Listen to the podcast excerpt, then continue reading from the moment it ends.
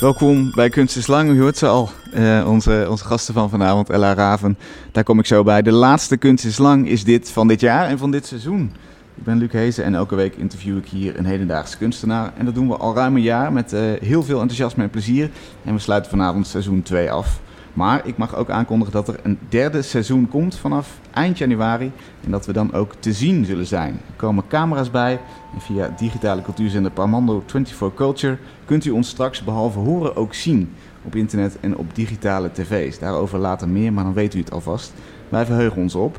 En het hele seizoen schoof er aan het eind van de uitzending iemand aan die met een project op Voor de Kunst staat. Dit keer doen we dat iets anders, want directeur van Voor de Kunst, Roy Kremers, die is hier om met ons terug te blikken op het afgelopen seizoen en alvast een beetje vooruit te kijken, want gelukkig zijn zij ook volgend jaar weer van de partij. Maar eerst natuurlijk de gasten van formaat om dit seizoen af te sluiten. Het kunstenaarsduo Ella Raven. De een-eigen tweeling Angelique en Lisbeth, die maken al ruim 15 jaar samen kunst. Performances, tekeningen, installaties, maar het bekendst zijn ze door hun indringende videowerk omdat het zijn van een een-eigen tweeling ook een symbiose kan betekenen, waarin individualiteit verloren gaat, is er een continue rivaliteit ontstaan. Wie is de langste, de mooiste, de dikste, de sterkste? Het levert heftige videokunst op.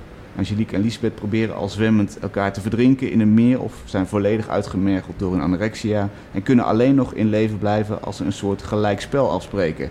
Elke hap die de een eet, moet de ander ook eten. En toch is de symbiose doorbroken toen Lisbeth een aantal jaren geleden een kind kreeg.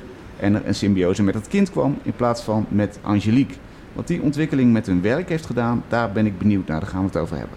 Wil je alvast iets zien van Ella Raven? Ga dan naar mrmotley.nl. Amsterdam FM! Welkom, Lisbeth en Angelique. Hallo. Hallo. Leuk dat jullie er zijn. Even een kortere introductie. Ik denk dat het bijna niet meer nodig is. Volgens mij kent heel Nederland jullie. Maar toch even uh, voor de facts. Lisbeth studeerde aan de Hogeschool voor de Kunsten in Utrecht. Uh, en de Van Eyck Academie in Maastricht. En Angelique, uh, jij volgt die opleiding aan de Academie in Antwerpen en aan de Van Eyck Academie ook in Maastricht. Ik zei het al, jullie zijn internationaal beroemd en in Nederland ook heel groot. Veel grote musea te zien. Um, en jullie werken samen onder de naam Ella Raven als duo. Welkom dus. we gaan het over jullie nieuwe werk hebben, want er is een nieuw videowerk, een nieuwe installatie. Um, maar eerst even, uh, Lisbeth, jij bent een paar jaar geleden moeder geworden. En je hebt een heel ander leven gekregen. Ja, ik heb trouwens een, twee kinderen nu. Je, je hebt de tweede al ontvangen. Ja, Wat leuk, gefeliciteerd. Ja, dank je. Um, we zagen in jullie werk Mindless Living 1. Dat was een soort van hypnosefilm voor, uh, voor jou, jouw eerste kindje. Hè? Um, die kon zich buiten de baarmoeder ook nog voelen alsof die in de baarmoeder zat. Ja, het was natuurlijk wel echt een dikke knipoog. Hè? Ja. Ik bedoel, uh, het was absoluut niet de bedoeling om om, om echt te zeggen van dat ik in symbiose met mijn kind wilde. Maar het was meer om aan te geven dat uh, ik wel echt daadwerkelijk jarenlang in een symbiose met Angelique heb geleefd. En dat dat eigenlijk een hele ziekelijke, foute relatie was. En dat, dat, dat je dat absoluut niet moet ambiëren met je kind. Maar dat was wel eventjes... Uh, we hadden dat expres zo gedaan om natuurlijk het publiek te, te prikkelen. Ja. Dat die daar uh, dan toch iets van gingen denken. Ja, precies. Maar het is absoluut niet mijn ambitie om in een symbiose met mijn kind aan te gaan. Want die relatie is heel anders. Nou ja, natuurlijk heb je... Eh, het is heel natuurlijk om in, in de eerste maanden van je zwangerschap en eh, de eerste levensjaar, levensmaanden van een kind een symbiose te hebben. Maar dan is het echt de bedoeling dat het kindje zelfstandig wordt. En dat kun je alleen maar toejuichen. Ja, dat het een individu wordt. Ja, dat is juist heel belangrijk. Want dat, dat individu, dat waren wij jarenlang niet. Ja. Dus dat is alles wat ik juist voor mijn kind wel zou wensen. Hoe is jullie relatie nu, als je die uh, zou kunnen omschrijven? Want ik geloof dat jullie het laatst gezien hebben in 24 uur met. Dat is een jaar of vijf geleden. Toen was het nog een, een moeilijk punt dat jullie een beetje uit elkaar gingen. Is dat nog steeds zo? Ja, dat, dat was een hele heftige periode. En het was eigenlijk op het moment van een supercrisis.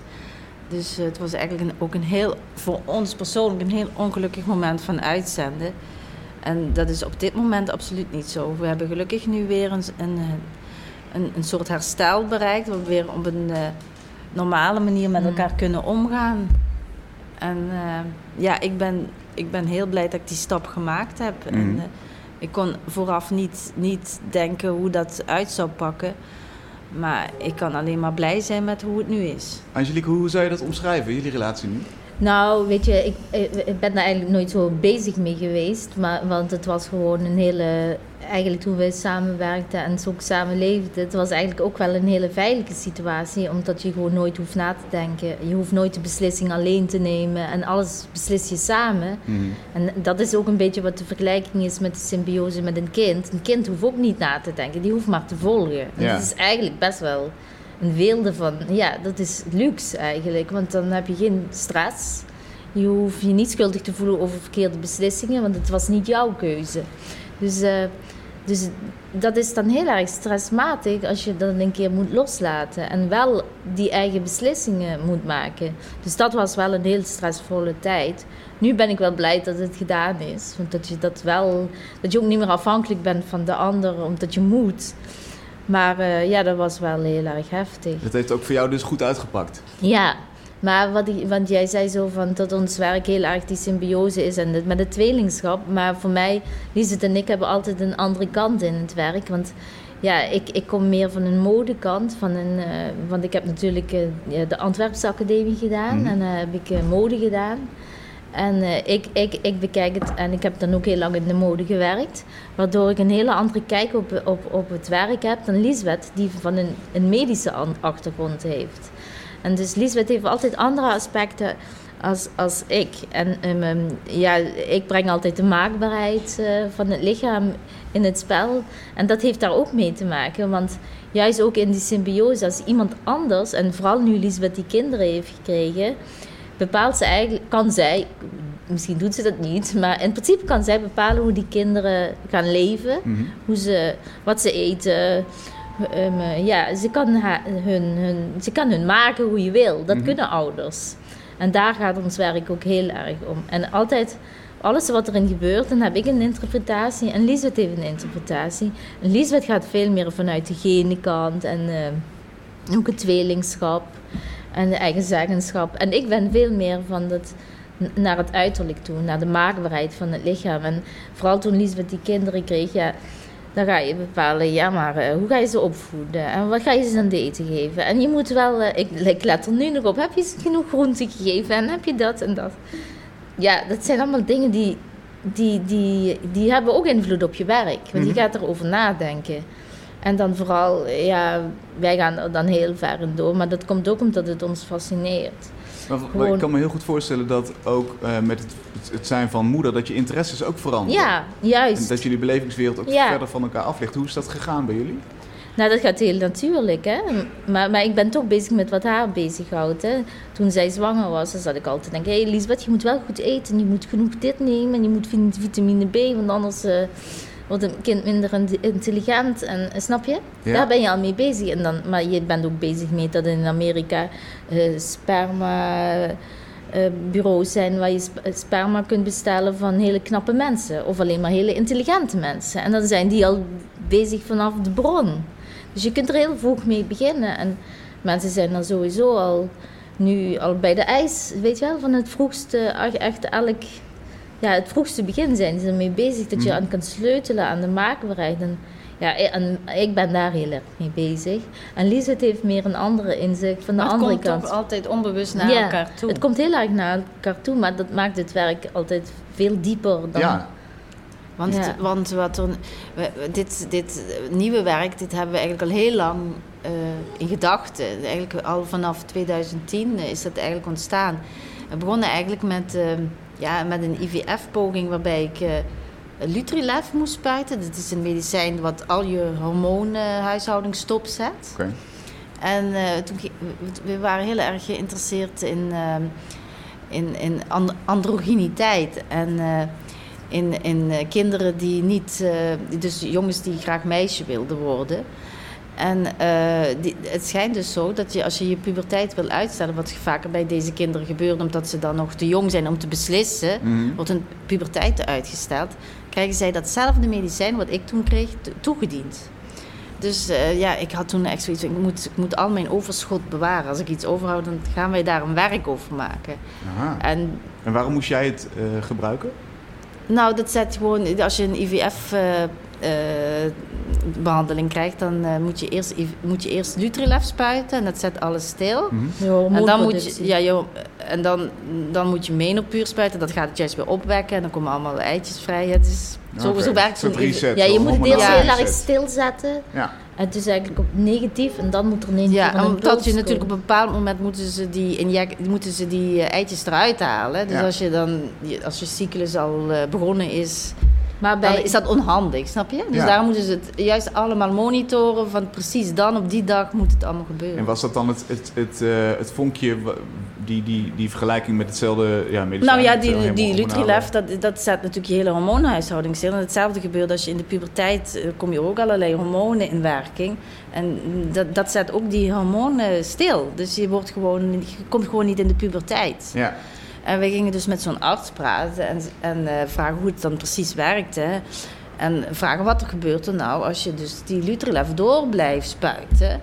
En gewoon beslist van, eh, ik wil niet... Want op een gegeven moment moet je, kom je dus niet meer in de puberteit als je dat door blijft eh, spuiten. als jij het maar steeds niet weet of je een jongen of een Er- meisje er ontstaat ook een soort... eh, je hoeft niet je hele leven door te spuiten. Op een gegeven moment weet je lichaam niet meer het dat het in de puberteit moet komen. Ja, Ja, dat, dat moment is voorbij. Dat het lichaam weet van nu moet ik in de puberteit komen. Maar dus als jij dan niks doet, dus als jij niet vrouwelijke of mannelijke hormonen toegediend krijgt, blijf je dus in een, in een staat van Een geen. ma- vacuüm. Ja, Ja, Zijn er mensen die, die, dat, die daarmee volwassen worden in Nederland? nee. Nee, dat mag Nee, dat is is- utopisch. dat maar is wij dus- denken altijd verder van wat als, als je dat Dat zou vonden doen. wij zo interessant en dat Ja. vonden wij een soort toekomstbeeld. En daar wilden we dus ons werk over maken. En dat, is waar- daar gaat Wilderson 3 over. Dat wij vonden dit een nieuw toekomstbeeld. Want waarom zou je moeten kiezen om man of vrouw te worden? Waarom kan- mag je niet in die in-between fase blijven? Maar waarom, want dat was dan ook, eh, weet je, in Amerika en in China, dan doen ouders hun kind die al behan- diezelfde behandeling geven, alleen maar dat ze willen dat hun kind langer gaat worden. Want zodra je in de puberteit komt, dan groei je niet meer. Stopt de groei. En, eh, dus eigenlijk moet je voor die puberteit blijven, dan groei je tenminste door. Je zou dus eigenlijk utopisch, ja, je zou ook dus eh, hè, gewoon door kunnen blijven groeien, zolang je het maar uitstelt. ja precies. Er komen natuurlijk ook dat veel een- negatieve aspecten bij kijken hè, Ja. als je dat doet. Want je botten worden heel De- zwak erdoor. Alles heeft natuurlijk een functie. Dus Ja. het is, er zullen heel- ook heel wat eh, negatieve afwijkingen door ontstaan... die we nu ook nog helemaal niet kunnen inschatten als je het niet Maar het, uitprobeert. ga- het gaat ook om de zeggenschap. Kijk, in Amerika kun je zeggen... nou, ik vind het eigenlijk te klein als, ik, als mijn kind 1,65 meter blijft. Ik wil minstens dat het 1,80 meter is... want dan kan het tenminste model worden zo, hè. Dat, zou, dat kan een ouder in Amerika beslissen. En maar in Nederland is dat iets- een soort hormonale injectie, waardoor dat Nee, die. Lutrelef slikken en de leeft en de... de en- spuiten. ja, spuiten en dan de puberteit uitstellen. Ja, Want zodra, als jij puberteit, als jij om, zeg als meisje om 12 ongesteld wordt, dan groeit ze misschien hoogstens nog 1 of 2 centimeter. Maar als jij tot je 15e kunt doorgroeien, dan heb je natuurlijk meer tijd om te groeien. Ja. En dan word je langer. in jullie, in jullie nieuwe werk zien we eh eh, eh, Wildstorm 3 heet het, heet het werk, hè? een videoinstallatie. En dan zien we een groep adolescenten, jongvolwassenen, allemaal hetzelfde gekleed. Dus we maken een soort geanceneerde bewegingen. Eh, heel moeilijk te plaatsen. Inderdaad, zijn het jongens, zijn het meisjes, ze zijn allemaal lang. Ze zijn dus echt, dus dat wat, we, wat ik net, androgyn. ja, wat ik net uitlegde, ze zitten dus in die in-between fase. Ja. Dus het is echt, ze hebben dan die groei, de, de groeispurt gehad, maar ze hebben nog geen eh, secundaire geslachtskenmerken. Dus dat, dat, dat moment, dat du- duurt heel kort. Daarom was het ook heel moeilijk om kinderen te vinden die net in die fase zaten. Want ook met het moment van dat je ze zoekt en dat je gaat filmen, konden ze al te ver zijn. Ja, En ook, eh, ga het maar eens vragen aan de ouders. Want je, moet natuurlijk, je hebt minderjarigen. hoe hebben jullie het verkocht? Wat hebben jullie, hoe hebben jullie het ge- gepresenteerd? Ehm, eigenlijk gewoon door de waarheid te zeggen. Ja. En we dachten, nou gaat iedereen nee zeggen. En, en dat was, hoe, hoe heb je dat dan, het project uitgelegd? Nou, vooral eh, eerst bij de kinderen zelf. En die waren over het algemeen heel erg We- we- juist ja, geïnteresseerd we, hebben wel ook gezegd dat het over een secte ging en een bende van kinderen. En dat spreekt kinderen natuurlijk wel ook wel tot de verbeelding. Jullie worden insecten. Ja, maar Maar dat, dat, dat is natuurlijk wel weer moeilijk te vertalen, bij de ouders eh, eh, dan te vertalen. Maar de ouders zeiden ook, we gaan jullie googlen. En toen dachten we, oh nee, dat niet Doe dat maar niet. Maar dat was juist positief dat ze ons gingen googlen. Ja. Want dan waren we niet een of andere, weet je wel, ehm, foute instantie of zo. Dan konden ze wel zien, oké, dit zijn die gekke kunstenaars en die doen vaker van die projecten. Dus dit is geen rare vraag. Ja. Dus dat, dat werkte juist Maar, maar het gaat er juist ook om, kijk, nu kunnen ouders hè, in Amerika of in China dat beslissen. In Nederland kun je het eigenlijk ook wel, maar er zijn dan soort toch van de overheid allemaal eh, restricties. Mhm. Dus in Nederland zit er nog een soort protectie in, maar in Amerika, als je genoeg geld hebt, dan mag het. Dan mag en in alles. China ook. Dus dan kun je dat gewoon beslissen voor je kind. Maar wat als het kind, eigenlijk kun je als kind dan later boos zijn. Ja, hallo, waarom heb je dat beslist voor mij? Want je hebt de verkeerde beslissing genomen. Ik wilde helemaal niet zo lang worden. Of eh, daardoor heb ik nu een kromme rug. Of weet ik veel. Dat, Ja. dat kan zo'n kind zeggen. Dus je zou ook al kunnen zeggen, ik ga dat gewoon bij het kind zelf leggen. Maar wanneer is, een, wanneer is iemand bekwaam om te beslissen over, dat, over zo'n- zulke belangrijke dingen? Dat is wat jullie wilden Ja, en, door wij, wij, doen, al- wij doen ook in deze... Ja, maar wat eigenlijk is... Moet je het zelf beslissen. Want anders kun je altijd iemand ook de schuld geven. Ja, maar ik had het zo niet gewild.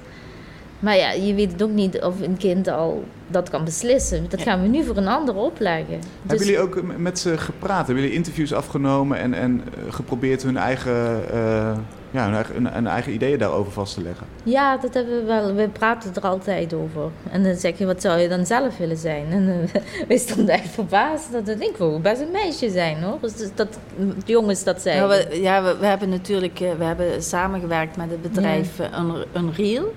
Die eh, doen ook de griem voor eh, eh, films als Lord of the Rings. En ook, ze hebben ook die transformatie van Wendy van Dijk gemaakt in eh Douchy. Ushi, Ushi en Dushi? Ja, de, Mhm. nee, weet je wel dat ze echt zo hele dikke ehm Antilliaanse ja, dat ze echt onherkenbaar was. En Ja. zij hebben dus eigenlijk onze jongens een beetje meisjesachtig gemaakt. Want eh, we hebben wel hele androgyne kinderen gezocht. En echt die jongens die nog net, weet je, net in de groeispurt zaten. Maar dan moesten we ze nog net iets vrouwelijker maken. Dus die hebben lichte borstvorm gegeven aan die, aan de jongens. Nou ja, het is niet Wat- wat- makkelijk bij een 13, 14-jarige jongen te brengen. Wat En wilden dus- jullie wil creëren voor, voor, voor video-installatie? Wat, wat, wat moet het oproepen? Voor ons is het echt een toekomstbeeld. Ja. Dus we willen echt juist. Eh, in, in- voor ons gaat in de toekomst gaat er niet meer zo duidelijk een, een man- en een vrouwbeeld zijn. Maar is het ideaalbeeld echt een soort in-between person. En, en ik denk ook dat er een heleboel mensen zijn die straks zich afvragen... waarom moet ik eigenlijk kiezen tussen man of vrouw? Waarom? Waarom kan ik niet... eh, een heleboel eh, transgender mensen hebben al dat die geen, eh, geen X of een Y Mhm. in een... pa- Want dat, ja, dat weten ze eigenlijk zelf niet. Dus ja, Voortplanting gaat ook in de toekomst op Ja. een hele andere manier waarschijnlijk. Dus het is eigenlijk echt een brave new world voor ons. Zo Ja, zagen wij het echt.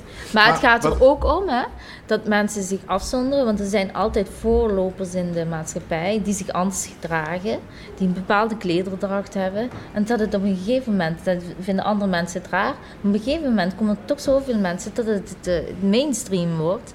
En dat het toch een, een ja, dat is een soort voorbode. Ja. Een soort elite die dan, een soort, soort subcultuur die dan in één keer eh, ja, de, de macht neemt. En zo, zo werkt de natuur ook. Hè?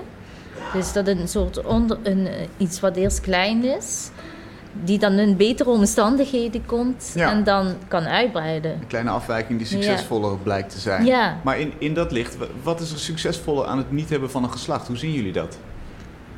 Nou, weet je, het is, misschien, het is sowieso eh, misschien niet helemaal in de toekomst niet, niet, niet eh, echt belangrijk om kinderen te hebben, want dat, de toekomst is onzeker. Nou ja, dit, Dus, is, eh, dit is ook meer gebaseerd ook op het feit van wij hebben zelf die adolescentie als heel moeilijk ervaren. En het feit van dat je eh, in die periode zit dat je dat eh, man of vrouw verandert, is gewoon heel moeilijk en heel heftig. En eh, als je dat uitbandt, dan Maar- ben je, voor ons lijkt het een makkelijker leven. Dat gun je, dat gun je niemand, zeg Nee, je, nee, zo'n maar- voor ons is het een, de kindertijd verheerlijken wij eigenlijk. Ja, maar het gaat ook om, ja, ik, als, ik heb altijd als fascinatie gehad, al van heel vroeg aan, dat ik eigenlijk meisjes van 13 en 14 jaar eigenlijk de mooiste wezens vind om na te tekenen. Of gewoon in het algemeen. Dat Waarom? vind ik gewoon heel mooi. Dus, maar waarom wist ik eigenlijk ook niet. Maar wat, als ik iets tekende, was het altijd dat. En waarom, wist ik niet. Maar toen zag ik eh, ja, ook wel een, eh, een documentaire, in de bioscoop was hij ook. Is dat niet Child Model? Ja, girl. Girl Model, ja. En dat ging over zo'n meisjes in Rusland die eh, geka- gecast werden op straat. Mhm. En die, ze zochten eigenlijk modellen, hele jonge modellen voor in eh, Japan. Want in Japan hadden ze een soort, uh, hebben ze een soort, uh, ja, hoe noem je dat, die cultuur met die uh, poppen? Ja, ja, of hoe noem je ja, dat? Anime heb je? Ja, mm -hmm. anime, maar echt een beetje dat... Het meisjesachtige, hè? Ja, dat meisje met grote hoofd en grote ogen, maar vooral jong. En in, in, in Japan willen ze jonge modellen. Echt niks met aftakeling te doen hebben. Ze moeten ook op hun aller, uh, zeg maar, ja, het friste moment. Mm -hmm. en, en, dat is op 13 jaar, als een, als een jong meisje ontluikt tot vrouw. Dat moment. En, en jij snapt Ja, dat, ik, ik, ging het snappen dat dat inderdaad mooi is. Natuurlijk, weet je, je kunt het ook begrijpen in deze maatschappij...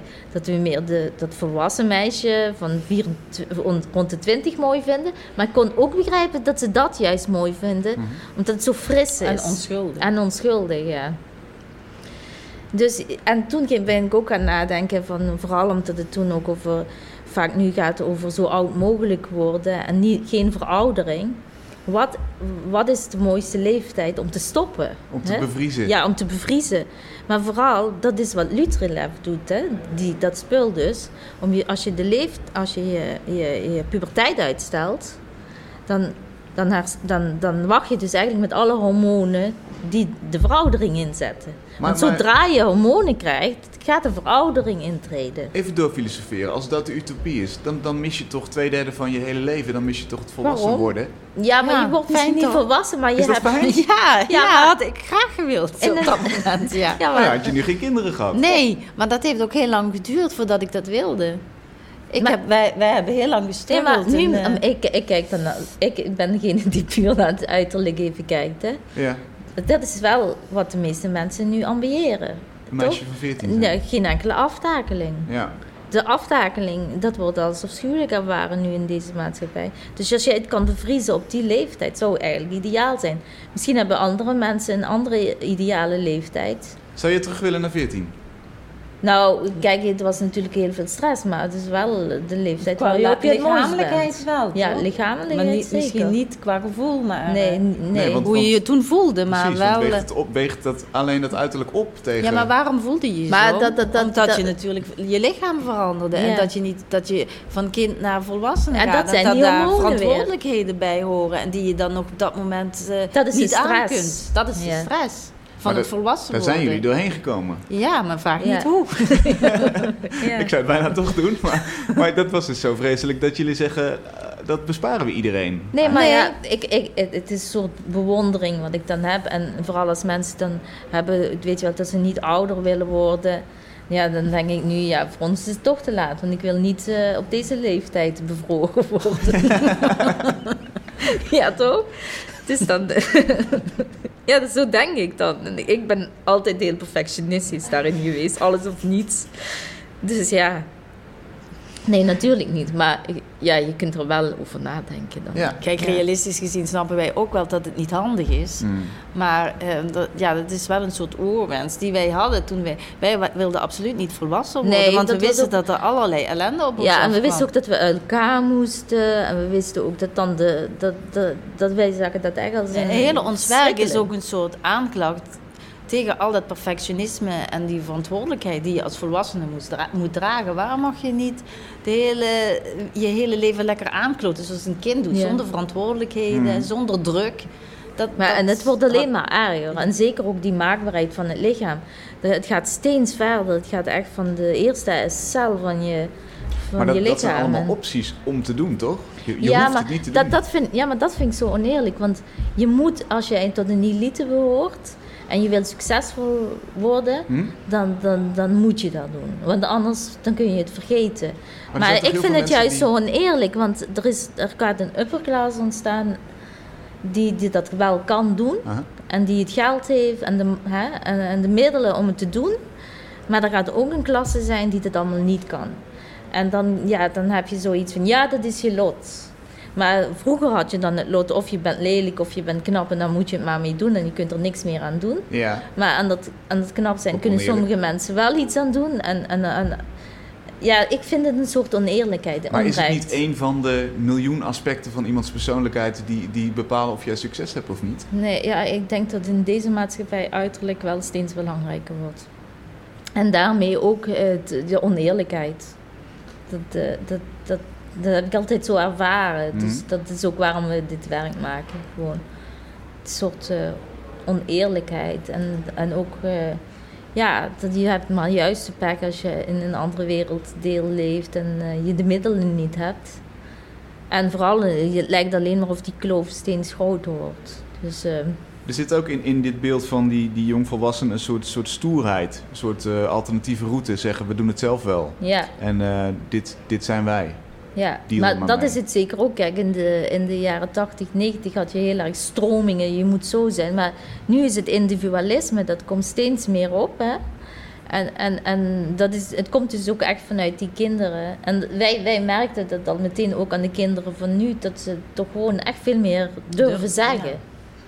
Dat ze echt wel nadenken ook veel meer. Dat hebben ze veel meer geleerd dan in onze generatie. Maar van deze kinderen, zaten er mensen bij, kinderen bij die zeiden... ik wil geen geslacht? Of, of zeiden die, ik wil een ander geslacht? Nou, eh, Maakte hun eigenlijk niet zoveel maakte- uit. de- de- sommige kinderen hadden er in eerste instantie wel moeite mee dat ze bijvoorbeeld de jongens die, dat ze dan borsten kregen. Maar als je het dan uitlegt hoe en waarom en dat andere kinderen het ook krijgen, vonden ze het juist wel weer stoer. Er waren ook kinderen die teleurgesteld waren dat ze geen borsten kregen. Ja. Dus op een gegeven moment was dat helemaal geen probleem meer. Nee, Dus was het juist stoer dat ze iets aparts kregen. ja. Dus nee, dat hebben we niet zo gemerkt. Maar we, ze konden zich ook heel erg goed vinden in het idee van die secte. Weet je, ze hadden een hele aparte Leg outfit. dat nog even uit voor, voor, voor de mensen thuis. Eh, nou ja, ze, het, we wilden een soort subcultuur maken, weet je, met eh, andere regels en eh, andere leefgewoonten. En dan krijg je toch al een, meer het idee van een bende en een secte. En die, die, dat geeft al een feit van dat ze, dat ze een soort groep vormen die stoer zijn en die mensen eng vinden. Ze, ze hebben bijvoorbeeld een rangorde dat eh, je bent de belangrijkste als je de langste bent. En de tengels, dat is de rangorde. En dan kom je bovenaan op de ranglijst. Dus dat zijn allemaal criteria die, die gelden. En daarvoor moeten ze zoveel mogelijk doen. Dus ze zitten elkaar ook voortdurend te meten. En, en eh, ze hebben bepaalde leefwijzen om daaraan te voldoen. En dat, ze hebben zelf dat als ideaal gemaakt. Ze trekken hun ogen scheef door, Ja. door met een eh, wasknijper trekken ze een, een soort, ja, hoe zeg je dat, een soort eh, face, facelift tape. Ja. Dus hun ogen naar achter trekken zodat hun ogen scheef worden. Dus je een soort spleetogen krijgt. Dus een soort, eh, ja, juist niet ideaal in deze wereld, maar ja, we willen juist een soort eh, anti-idealen in hun stoppen. Dus juist wat we nu Dat je helemaal alles niet mooi vinden, dat, we, dat dat juist wel een ideaal Ja, is en, in en die vooral wereld. ook jezelf vervormen. Weer, weer ook uit Maakbaar maken. Ja, het van vroeger. Dus niet zozeer echt gaan snijden. Maar echt gewoon door bepaalde leefwijzen. Wat je eet bijvoorbeeld. Ja. eh, hoe je beweegt. Maar ook hoe je, wat je bijvoorbeeld... eh, ehm, eh, ja, wat je doet gewoon bijvoorbeeld. eh, Lisbeth heeft bijvoorbeeld altijd als kind af aan in haar, zo in de spagaat op haar buik gelegen. Om Oké. leniger te worden. Dat soort dingen. Ja, maar ook jij dan, jij En, eh, met ik- een ik- wasknijper op ik, je ik neus. deed mijn neus omhoog duwen. Ja, en ze heeft daar echt, wel echt een andere neus dan ik. Wij zijn het eigenlijk bewijs dat het werkt. Dat Ja. je maakbaar bent. Ja, dat je, je, dat je echt eh, je uiterlijk ook zelf kan beïnvloeden. Maar nou, nou zou je ook kunnen zeggen, eh, dat is helemaal geen, geen goed ding. Want, want jullie hebben misschien weer een nieuwe tussenvorm bedacht... waarin lengte weer heel belangrijk is. Ja, Dus maar je je kunt ook kunt zeggen, alles. weg, weg met die regels, toch? Laat iedereen zijn wat hij is. Ja, Is maar, dat geen echte utopie? eh, ja, maar weet je, dat, dat zal er altijd zijn. Dat zal er altijd zijn. En natuurlijk is het de best als jij kunt. Dat was ook in Wildzone 1 en dat is eigenlijk altijd ons criterium geweest. Daarom hadden wij ook ironisch ons eigen beeld als ideaal bestempeld. Wij hadden zo gedaan: oké, nu moet iedereen maar zoals ons worden, want wij zijn ideaal. Dus dat, daarmee hebben we dat duidelijk gemaakt. Maar we proberen nu een ander ideaal, omdat dat het eigenlijk alles kan zijn. En, en natuurlijk, wij krijgen ook wel vaker te horen: waarom neem je niet eens een dik iemand? Maar het heeft natuurlijk ook met deze maatschappij te maken. Dat discipline belangrijk is en dat de makkelijke kant bijna nooit gekozen wordt. Dus eh, dat, dat, dat, dat, dat, zit, dat zit altijd in de mens. En we wilden ook natuurlijk dat het eh, voor de kijker ook wel een beetje moeilijk is om naar te kijken. Want die kinderen die eh, eisen eigenlijk zoveel van zichzelf. En je hebt ook te maken met een soort groepsdruk. En ook eh, bij zo'n onschuldige kinderen is het dan moeilijk om te zien dat er, dat er ook een hiërarchie is in wie populair is en wie niet populair. Dat heeft ook allemaal met de kindertijd te maken, maar ook hoe je je ontwikkelt als persoon. Die elementen zitten er ook heel erg in, die, Ja. die groepsdruk. En, eh, Het is echt een op zichzelf staande maatschappij eigenlijk, hè, met, met eigen ja. hiërarchie. We gaan even luisteren naar eh, een geluidsfragment, want we hebben jullie gevraagd iets, iets mee te nemen. Laten we eerst even luisteren en dan even van jullie horen wat we precies gehoord hebben.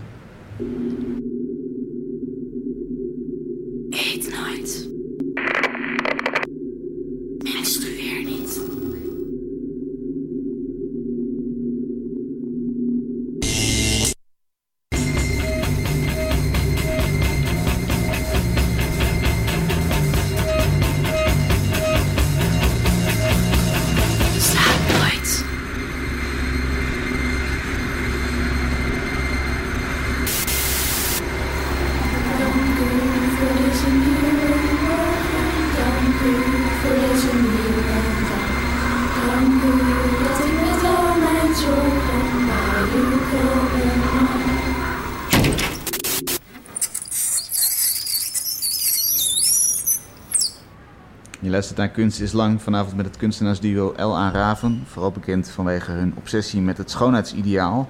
Hun nieuwste werk gaat over de maakbaarheid van een lichaam. En moeten we nog wel een geslacht kiezen? Ja of nee? Ehm, even dit geluidsfragment, wat, wat hebben we gehoord?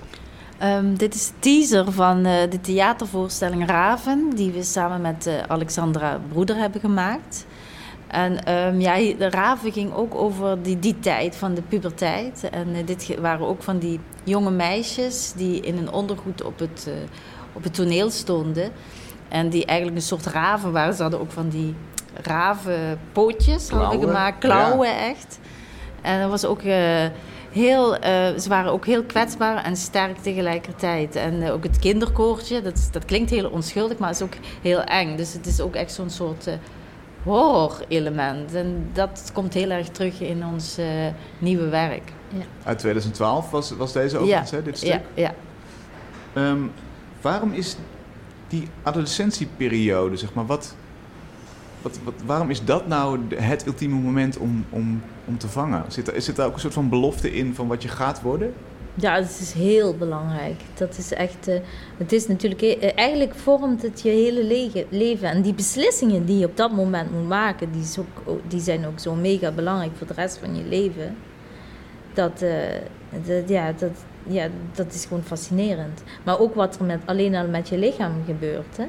Dat, dat moet voor zo'n kind eigenlijk zo heftig zijn. Als je ziet hoe een kind verandert in een hele korte tijd. Dat, dat is, eh, ja. En jullie hebben het zelf En, ervaren Nou ja, kijk, in, in- voor een tweeling is het eigenlijk nog moeilijker. Want je moet eh, op eh, psychisch vlak moet je, moet je eigenlijk je losmaken van je ouders, je vader en moeder. Maar dan moet je dat ook een keer nog doen van je zus. En dat is eigenlijk twee stappen. Dus je hebt nog een stap te nemen die een, die een individu niet hoeft te doen.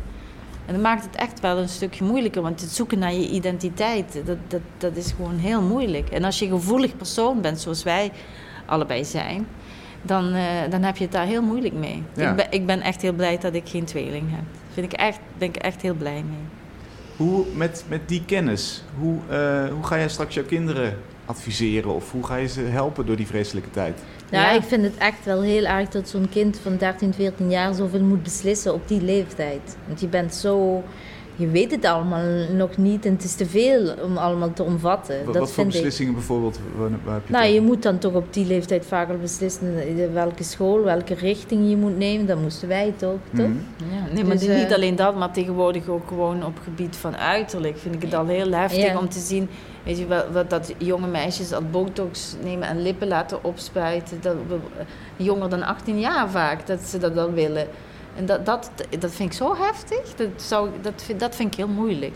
Maar dat, is- dat is eigenlijk natuurlijk maar een heel klein percentage van alle kids die opgroeien, om het zo maar te zeggen. nee, Ja, nee, alle- ik zie het echt er heel- nu echt heel veel al om me heen. En alle, eh, heel veel kinderen zijn er ook zelf mee bezig gewoon.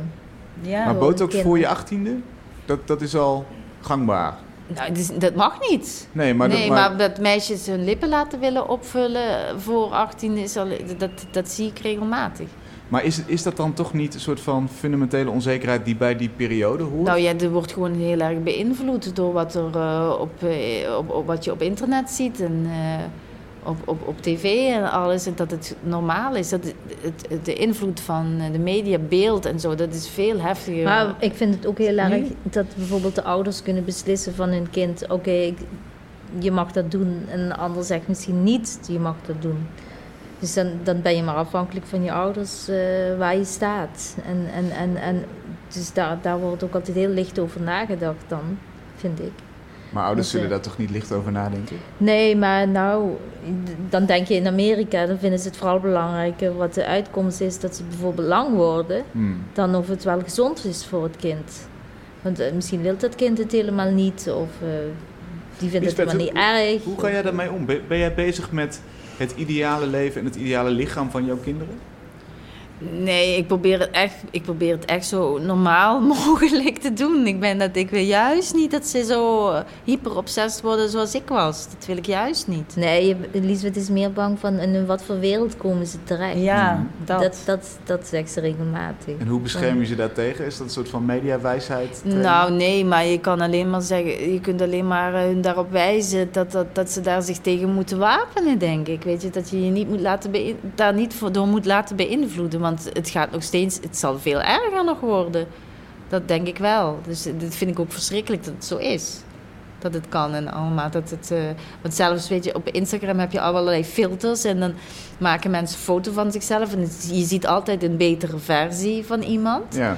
Waardoor je dan gaat denken, die persoon is echt zo. En vroeger zagen we alleen eh tijdschrift en werd daarin gefotoshopt. Maar nu lijkt het, dan gaat dat nog een stap verder. Weet je, gaat het echte leven bijna veranderen in een perfect eh, imago van iemand. Ja, dat, die, die grens die wordt steeds vager. ja. Toch even door filosoferen. Stel dat het kan om mensen nog maakbaarder te maken. Ehm dat is een rare zin, maakt niet uit. Stel dat, dat, dat jullie eh, geen anorexia hadden kunnen krijgen. Dat dat voor jullie geboorte geregeld had kunnen worden. Had je dat gewild? Ja, Dat had ik zeker gewild. Dan dat had ik nu twintig jaar eh, meer van mijn leven genoten. Ja. Hm. Zit, zit, zit die kant ook in jullie laatste werk, zeg maar, het, het positieve van het maakbare? Ik neem aan dat dat vooral jouw interesse heeft. Nou, de- zo heb ik er nooit zo over nagedacht. Maar natuurlijk zit je, je zit, dan zie je dat echt als een ziekte. hè. Maar de- eh, eh, dat, dat is zeker wel belangrijk, ja. Dat, het, eh, dat als je die genetische dingen kunt uitschakelen. Maar in, dan gaat het ook weer in hoeverre, ho- welke ziektes gaan we dan nog meer uitschakelen. Hè? En dan eh, gaan mensen dan al die, die embryo's eh, niet laten komen die, die in een gradatie, ja, die dan net te weinig hebben. Het heeft heel Ja. ook met onzekerheid te maken. Dus als Ja. je de eigen karaktereigenschap onzekerheid dan, dan moet uitbannen in je... Ja. Stel hebben we je DNA. 13-jarigen die niet meer onzeker zijn. Dat, Ja. dat wordt de kan wereld. gevaarlijk worden, denk Kan ik ook. Ja, Ja. Ja, dat Ja. wordt een dat- gevaarlijke wereld. ja. Dat, dat zou zomaar zo kunnen. Ja. Wat, wat zijn nog meer thema's waar jullie misschien in het verlengde van dit over nadenken samen? We vinden jullie verder op de, op, op de horizon denken, oh ja, dit is ook nog een thema wat ons aangaat. Nou ja, zeker die onsterfelijkheid, dat daar iedereen zo bezig mee is. En eh, ja, dat is dan vooral, je, kijk, je gaat ook met je leeftijd mee en iedereen wil dus niet ouder worden. Dat, dat is gewoon wat er speelt. Mhm. Dus dat, dat, dat is zeker ook wat denk ik een nog steeds belangrijker thema wordt. Hoe staan jullie daar Maar- zelf in? Is botox een optie? Nee, ik heb altijd zo van als je daaraan begint, dan gaat de, de echtheid weg. Want dat zie je dan ook weer. Hè? En, eh, en dan heb je de gemaakte mensen, de, de fake mensen en het echte mensen. En dan ga ik het ook niet meer mooi vinden. Dus dat, dat zie je dan toch wel. En dan eh heb je gewoon niet aan het beginnen. Dat, dat Maar dat ik denk ook als je daar niet eenmaal aan zeggen begint. dat je nu op een leeftijd... Kijk, je voor je 40 denk je, oh, ver weg, ver Mhm. weg. Maar ja, we zijn nu allebei 45 en dan, gaat het, dan, is, dan is het toch wel heel anders. Want dan merk je echt wel dat je lichaam eh, verandert. Ja, maar je, denkt je, je denkt ook altijd. Ik dacht vroeger, oh, als, ik, v- als je eenmaal boven de 40 bent, hoef je niks meer te doen. En het is toch te laat en het is afgeschreven. Maar nu, 50 en ik zie, ja, de grens wordt steeds opgeschoven. Nu moet je al. Dat vind ik echt heel erg. Ik dacht, laat het nou hangen, iedereen. Mag ik het ook laten hangen? Maar ja, Je vindt, je vindt het vervelend dat je, het nog steeds, dat je er zoveel waarde aan hecht nog Ja. steeds. ja. Ik weet vooral dat je dingen moet doen. ja, als iedereen het doet, als niemand het nou deed. Maar Ja. omdat, eh, En is het geen optie om te zeggen: het maakt me niet uit wat iedereen doet? Nee. Het maakt me niet uit wat Linda Nee, de het is Mol geen doet. optie. Want- nee, dat, dat, zo werkt het niet. Wa- waarom, waarom niet? Kun je dat Ja, dan voel je je toch rot. ja, toch? Dan voel je je toch rot. Dan gaat, dat, Nou ja. als je er niet mee in aanraking komt, dan valt het ja, wel dan kun je kop in het zand steken. Dan, ja. Nee, maar dat, dat eh, ja. Maar dat, dat is ook je eigen ding hoor. Ik, ik zal altijd, ik zal nooit iemand, ik zal niemand zien die dikker is dan mij. Ik zie alleen maar de mensen die beter zijn, die dunner zijn en die dat. Dat, dat is ook je eigen. Andere mensen zien dan steeds het andere, maar ik zie altijd het negatieve in mijzelf. Dus dat is ook dat, is ook dat trekje wat, ik, hè, wat je dan van je eigen hebt gewoon. Dus eh, ja, dat, dat is toch. eh, ik denk dat, dat ik altijd wel iets zal hebben waardoor ik dan eh, nooit tevreden zal zijn. Ja. Ik denk dat wij vooral ons vergelijken met elkaar. Ja. Want het is ook, eh, als Angelique iets zou laten doen, ja, dan denk je, dat is heel vervelend. Is die strijd er nog steeds? Nee, maar je, wil, je weet wel dat mensen je vergelijken. Dus als zij iets zou laten doen, dan, dan is dat, vind je dat niet fijn. Want Nou, weet je, ik heb zo'n dan ben jij het documentaire. zusje. Ja, Ja, maar zo- het is zo ook ze- heel heftig, want ik heb zo'n documentaire gezien. Er was zo, eh, waar ze over een tweeling. De een rookte haar hele leven, de ander niet. Dat verschillen was echt heel heftig om te zien. En dan kijk, als jij nou de enige bent die heeft gerookt, maar je hebt niet zo'n zus waar je het mee kunt vergelijken die niet heeft gerookt, dan is het niet zo erg. Dan kun je je kop in het zand steken. Ja. Maar, maar, maar als je het wel ziet, dan is het dus vervelend. Wat ik eh, fascinerend je vind je hele leven schuldig voelen. Maar dat jullie nog niet blijkbaar, want jullie zijn eigenlijk van elkaar losgeweken. Ehm, jullie zijn eigen individuen geworden en dat, dat, dat er toch nog steeds die vergelijking is. Ja, die, Ja, zal rivaliteit zal er altijd zijn. Maar dat, komt, dat is eigenlijk een beetje best wel normaal. Want als mensen ons samen zien, dan gaan ze toch kijken van wie, eh, wie vind ik de leukste, wie, vind, wie ziet er het beste uit. Zeg nou maar eerlijk, doe jij ook? Nou, dat weet ik, ja, weet ik eigenlijk niet. Ik zie vooral twee, doen. Gaat hij nu doen, twee Ja, nu, nu. Nou, bedankt. Nu ben ik op een idee gebracht. Ja. Ik zie ook jullie, jullie, jullie karakter en jullie verschillende levensloop. Ja. Maar dat is niet genoeg.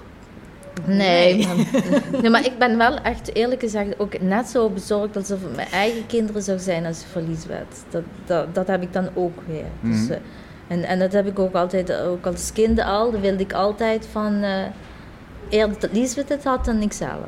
Dus dat heb ik wel altijd gewoon gehad. Zo van als ik het. eh, maar ik, ik zag soms dingen in dat Liesbeth dat beter kon als, ik, als, Ja. als mezelf. En dan zei ik, oh, ik kan Liesbeth dit beter doen. En dan ging ik alles doen tot zij het kreeg. Dus dat hebben, we- dat hebben we dan ook weer zo van. Ja. En zou het een optie zijn om helemaal eh, van elkaar eh, te gaan scheiden? Dus van elkaar af te gaan wonen en elkaar niet maar meer... ja, ik woon in Alkmaar en Angelique gezien. woont in Amsterdam. Dus we hebben eigenlijk best wel een hele fysieke scheiding. Ja, We wonen niet meer in dezelfde stad. want dan kan, is er ook geen vergelijking meer. Althans, ja, niet, eh, jawel, ja, op het zich. blijft altijd. Als je, Het, het- het is wel een stuk ehm, ehm, makkelijker geworden. Want ja, als je het niet ziet. Ik, ik, zie haar nou één keer in de week. Dus dat is dan al heel anders dan elke dag. En, en ma- maakt dat ook dat jullie relaxter door het leven gaan, als in je uiterlijk? Nou ja, dan, ah, kijk, eh, dan, dan zou het ook nog altijd zijn: oh, wat heb jij nu gegeten? Ik heb meer gegeten. Het is Ja. toch dwars. Het is ook Zit je dan dwars? Ja. Ja. Dat zit- blijf je altijd eh, houden. Zo van, eh, ja, het is altijd nog zo'n dingetje. Eh, Maar als je dus niet je- dagelijks met elkaar in aanraking bent, en dan word je zeker er als we op reis zijn, dan Mhm. wordt het ook steeds shit. dat- neem jij dat niet? Of dat? Maar ik denk dat heel veel zussen dat hebben hoor. Of heel veel vriendinnen ook ten opzichte van elkaar als ze bij elkaar zijn. Gaat dat ooit ophouden, denken jullie? Nou ja, ik denk dat het ook echt. eh, ja, ik denk echt niet dat het zo abnormaal is. Ik denk dat heel. Dus wat ik je zeg, Mhm. ook tussen twee vriendinnen kan zijn. En, eh, Maar tussen jullie, zou, is, is er een logisch eindpunt? Kunnen jullie een keer eh, het eens zijn over wie de mooiste zus is, bij van spreken? Of gaat dat nooit gebeuren? nee, kan nooit gebeuren, denk ik. Dat, nee. Ik, wij zeggen die er van de ander. Dat de ander Ja. beter is, toch? Ja. Ja. Dus dan zit je ook in een padstelling natuurlijk. Ja. En als, als kunstenaars die samenwerken, hoe, hoe, hoe is dan jullie verhouding? Heb je dan ook, eh, de ander is beter? Is, is, nee, ja. we Nou, hebben, we hebben ja, we hebben een hele andere kant. We hebben een goede rolverdeling. Wij, wij, voegen- ja, wij, wij, gaan, wij gaan echt heel goed samen. Wat Ja. Angelique niet kan, kan ik heel goed. En wat ik niet kan, kan Angelique heel goed. Dus wat dat betreft zijn we echt yin yang. Ja. Ja. Dus En- dat- en- we vullen het- elkaar heel goed aan. En is daar geen rivaliteit? Nee, nee, heel, heel raar. Nee. Ja, Lisbeth is veel beter met teksten en zo. En, eh, Maar Angelique zegt ook dat ik, ze kan echt eh, niet functioneren zonder mij, zegt Nee. zij. Terwijl ik denk dat ze dat wel kan. Maar dat zij zegt dat ze dat niet kan. Dus ik ben daar wel wat meer van. Ik denk wel dat ik dingen alleen kan. Maar Mhm. Angelique die zegt... de- ik durf vaak Ik geen alleen beslissingen te nemen. Dat, eh, we willen toch dat zij het gezien heeft of zoiets. Dus het is meer een onderschatting van jezelf dan een Ja. overschatting van de anderen die die rivaliteit Ja, ja, bezorgt. ja. Vanaf 14, 14 januari is jullie werk weer te zien in Museum Arnhem. Ja. En eh, het, is, het is mooi, het is indringend. Ja. Dankjewel. Als jullie over de ouderdom een nieuwe installatie hebben, kom dan alsjeblieft terug om Ja, het eh, daarover te hebben. Ja, Ja. ja. Dankjewel. ja. oké. Dit seizoen bespraken we elke week een project dat te crowdfunden was. Maar dit keer doen we het anders. Nu is Roy Kremers aangeschoven, directeur van Voor de Kunst. Roy, welkom. Dankjewel. Je was er ook de eerste aflevering van dit seizoen. Klopt. Om onze samenwerking aan te kondigen. En eh, we dachten, ja, laten we gewoon even terugkijken. Want wij hebben natuurlijk elke week hier zo'n mooi project gehad. Maar hoe is het met ze vergaan? Goed, ja, ja, unaniem goed, zeg maar. Eh, Ze zijn allemaal ja, allemaal geslaagd. succesvol gefinancierd. Ja. Ah, perfect. Eh, dus we hebben, er zijn 15 eh, makers hier geweest. En Joeke, eh, die hier vorige week was. Zeker. Het de Make It A-project loopt nog. Eh, en alle andere eh, zijn eh, succesvol gefinancierd. Kijk. Gemiddeld 110% dus boven de 100% En ehm, volgens mij is er in totaal dan 104.000 euro eh, opgehaald voor die 14 projecten. Wauw. Dat is ongeveer 7.500 euro gemiddeld. Veel man. Ja, En, en de 110% ben ik toch even benieuwd, waar gaat die 10% dan naartoe? Hoe, hoe werkt dat? naar de, naar de, dus het is gemiddeld. Hè? Dus Ja. eh, sommigen hebben 100% anderen 130. En dan, eh, dat gaat ook naar de maker. Dus eigenlijk alles eh, gaat, gaat naar de maker. Er blijft een klein percentage voor, voor de kunst over. Ja, ja, ja. Ehm, maar de rest eh, komt gewoon bij de, bij de kunstenaar terecht. En, en moet dat dan ook uitgegeven worden aan datzelfde project? Of, want, want eigenlijk is er dan geld over, zou je kunnen denken. Ja, ja, wat wij vragen is wat, wat we wel zien ehm, als iemand 100% heeft bereikt, dat het voor donateurs, die hebben dan zoiets van ja, waarom zou ik nog meer geven? Hmm. Eh, dus we vragen wel aan iedereen van goh, geef even een update. Wat ga je met het extra geld doen? Ja, precies. Ehm, en soms zien we dat het project dan nog steeds hartstikke goed eh, doorloopt. Soms merk je dat de urgentie er een beetje van af is en dat het gewoon bij 100, 101 procent blijft. oh, na dat de ligt- update bedoel je? Ja, precies. Ligt er ook een beetje aan. En sommige makers die hebben zoiets van ja, de 100% eh, bereikt, dus eh, ik ga er niks meer aan doen. Mhm. Het is klaar. En de anderen gaan nog heel actief door. En dan eh, op die manier kun je het zelf wel een beetje beïnvloeden. Ja, oké. Hey, en ehm, wat was het los van ons programma voor de kunst verder voor jaar? Was het een goed jaar voor de crowdfund, crowdfund platform? Crowdfund-industrie. Eh, nee, nou, we bestaan nu zes jaar. En eh, dan merk je dat eh, ja, crowdfunding is, is, is bekend. Ehm, eh, het ging goed. We hebben denk ik zo'n 780 projecten online gehad eh, dit jaar. Vorig jaar waren het er 712. Dus er zit een, een stijging van zo'n 10% in. Ehm, wat we zien is dat, eh, nou ja, wat wel, ondanks die groei blijft het succespercentage hoog. Ja. Ehm, ja, 80% van de projecten haalt uiteindelijk het doelbedrag. En dat is wel heel prettig om te zien dat mensen die aan een campagne beginnen, eh, het ja, in de meeste gevallen ook echt eh, halen. Ja, Ehm, ja, wat we merken is dat, eh, dat, er, dat gewoon steeds meer makers ons weten te vinden en ook steeds meer donateurs. We zien ook wel dat er eh, vaker terugkerende donateurs zijn. Dus mensen die een keer een bijdrage hebben gedaan, die een volgende keer weer terugkomen, die het leuk vinden om te geven. Nou en dat is eh, voor ons natuurlijk heel mooi om te zien en dat is voor de kunst ook heel prettig. ja, ja, natuurlijk. Is het nou zo dat jullie met elk project blij zijn wat zich aanmeldt? Eh, Staat, staan de, poren, de, de, de poorten wijd open? Ja, de poorten staan eh, wijd open. Iedereen kan gewoon een project aanmelden. Ehm, en uiteindelijk, eh, wat voor ons het belangrijkste is, is dat een maker het echt wil. Eh, en dat is bij crowdfunding gewoon het allerbelangrijkste. Eh, als je het zelf niet ehm, wil, doe het dan vooral niet. Ehm, dus we zijn met ieder project blij waar een enthousiaste maker achter staat. Want je moet er energie in steken, je moet er het, het kunnen over het voetlicht kunnen brengen.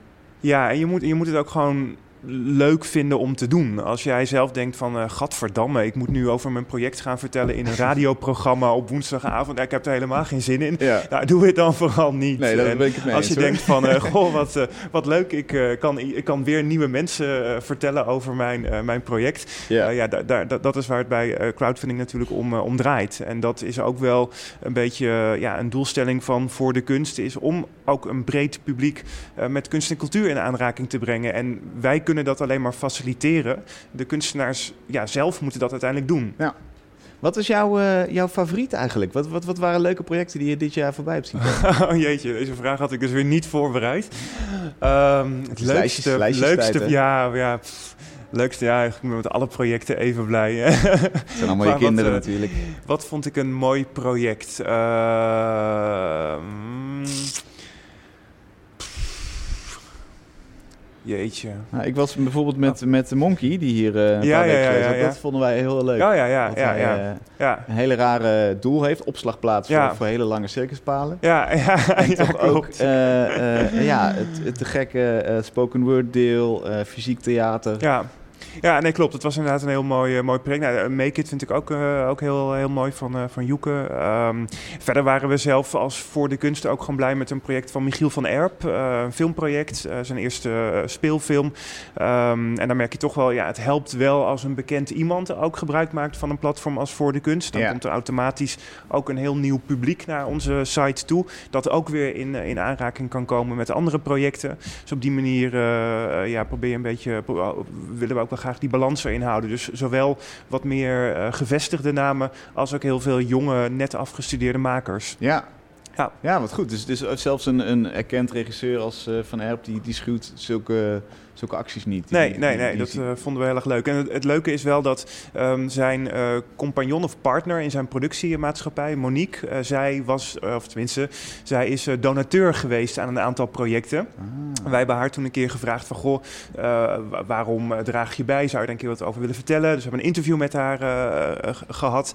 En toen vertelde ze van, goh, ja, ik denk er zelf ook wel over na. Zou het voor ons, de familie, het productiebedrijf van, van Michiel, ook interessant zijn? En wij zeiden van, ja, natuurlijk. En eh, Ja. dat contact is eigenlijk op die manier eh, aangebleven en resulteerde uiteindelijk ook in een eh, campagne. Dus via een donateur werd het een, een crowdfunding project. ja, super. Ja. Hey, en wat, wat zijn de trends voor 2017 als Ja. we eens eh, vooruitkijken? Eh, nou, wat wij, ehm, waar, waar we zelf eh, meer de nadruk op willen leggen, is op de relatie. Dus we zeggen dat zelf dan van dona via een donatie naar een relatie. Ehm, dat we merken dat nog te veel makers, dus als ze succesvol gecrowdfund hebben, Mhm. het contact niet meer aanhouden met hun donateurs. En dat is eigenlijk je belangrijkste kapitaal. Want dat geld dat is vaak al vrij snel op. Maar die mensen die hebben gegeven, die blijven. Ja, die zijn betrokken en die Ja, zijn geïnteresseerd. Die zijn iets. geïnteresseerd en het is natuurlijk ontzettend belangrijk dat je hen eh, een beetje warm houdt. En dan, je moet niet meteen weer om geld vragen, maar hou die donateurs eh, een beetje op de hoogte van waar je mee bezig bent. Dan is het veel makkelijker om een volgende keer weer om hulp te vragen of om een donatie eh, te vragen of om hun netwerk te benaderen. Dus daar willen wij ook wat meer op in gaan zetten. We zitten nu heel erg, we begeleiden heel erg aan de voorkant. Dus eh, voordat je een campagne eh, eh, online staat tijdens je campagne. En we willen meer dat natraject ook daarin begeleiden. Ja. En ook richting donateurs. Dus we willen ook gewoon kijken van hoe kunnen we die, die community van donateurs, hoe kunnen we die ook meer betrekken bij voor de kunst, de activiteiten die we organiseren en de projecten die live staan. Ja. En zijn er dan ook nog projecten of mensen of bedrijven waarvan jij denkt, ik hoop dat die zich ook gaan melden bij ons komend jaar? Ehm, nou, projecten eigenlijk ehm, eh, zoveel mogelijk. dus iedereen die maar enigszins nadenkt over een leuk kunstcreatief project, ja, laat het vooral even weten. Eh, want soms weten we ook niet dat iemand met iets bezig is. Ja. Eh, we kunnen altijd helpen. Ehm, ja, donateurs hetzelfde, ook zoveel mogelijk. En waar we wel nou ja, goed de komende tijd eigenlijk aan willen werken, is ook meer zichtbaarheid voor, voor de kunst als platform. Dus nou, ja, nu natuurlijk, dit, dit, dit, dit is een mooi, mo- mooie plek om te vertellen over, over voor de kunst. En zo hopen we het komend jaar nog een aantal andere ja, mediapartners eigenlijk te vinden. Dus eh, het sneeuwbaleffect Ja, van voor Ja. de kunst. Zoveel mogelijk makers, zoveel mogelijk mensen die relatie zijn. Precies, ja, ja, ja. Nou, te gek, succes. Laat de sneeuw maar uh, komen. Laat de sneeuw maar komen. Dat vind ik een mooi streven. Dankjewel Roy, fijn dat je uh, even aanschoof. En uh, nou, we zijn natuurlijk ontzettend blij dat je volgend seizoen er weer bent. En dat er weer nieuwe crowdfundprojecten gaan aanschuiven. En daarmee zijn we aan het einde gekomen van Kunst is Lang voor dit tweede seizoen. We gaan er even een tijdje tussenuit. Hou vooral de website van Mr. Motley in de gaten voor de exacte begindatum en, en tijd. Uh, MrMotley.nl is dat. En zoals gezegd, vanaf het nieuwe seizoen zijn we dus ook te zien. Er komen camera's bij en online en via digitale televisie kan je ons gaan volgen. Wil je tot die tijd andere uitzendingen terugluisteren? Dat kan natuurlijk ook. Ga dan naar MrMotley.nl of zoek ons op in iTunes. Zoek gewoon naar Kunst is Lang en dan kun je ons hele seizoen terugluisteren waar en wanneer je wil. Dank voor het luisteren. We zijn er over een maandje weer. Doeg!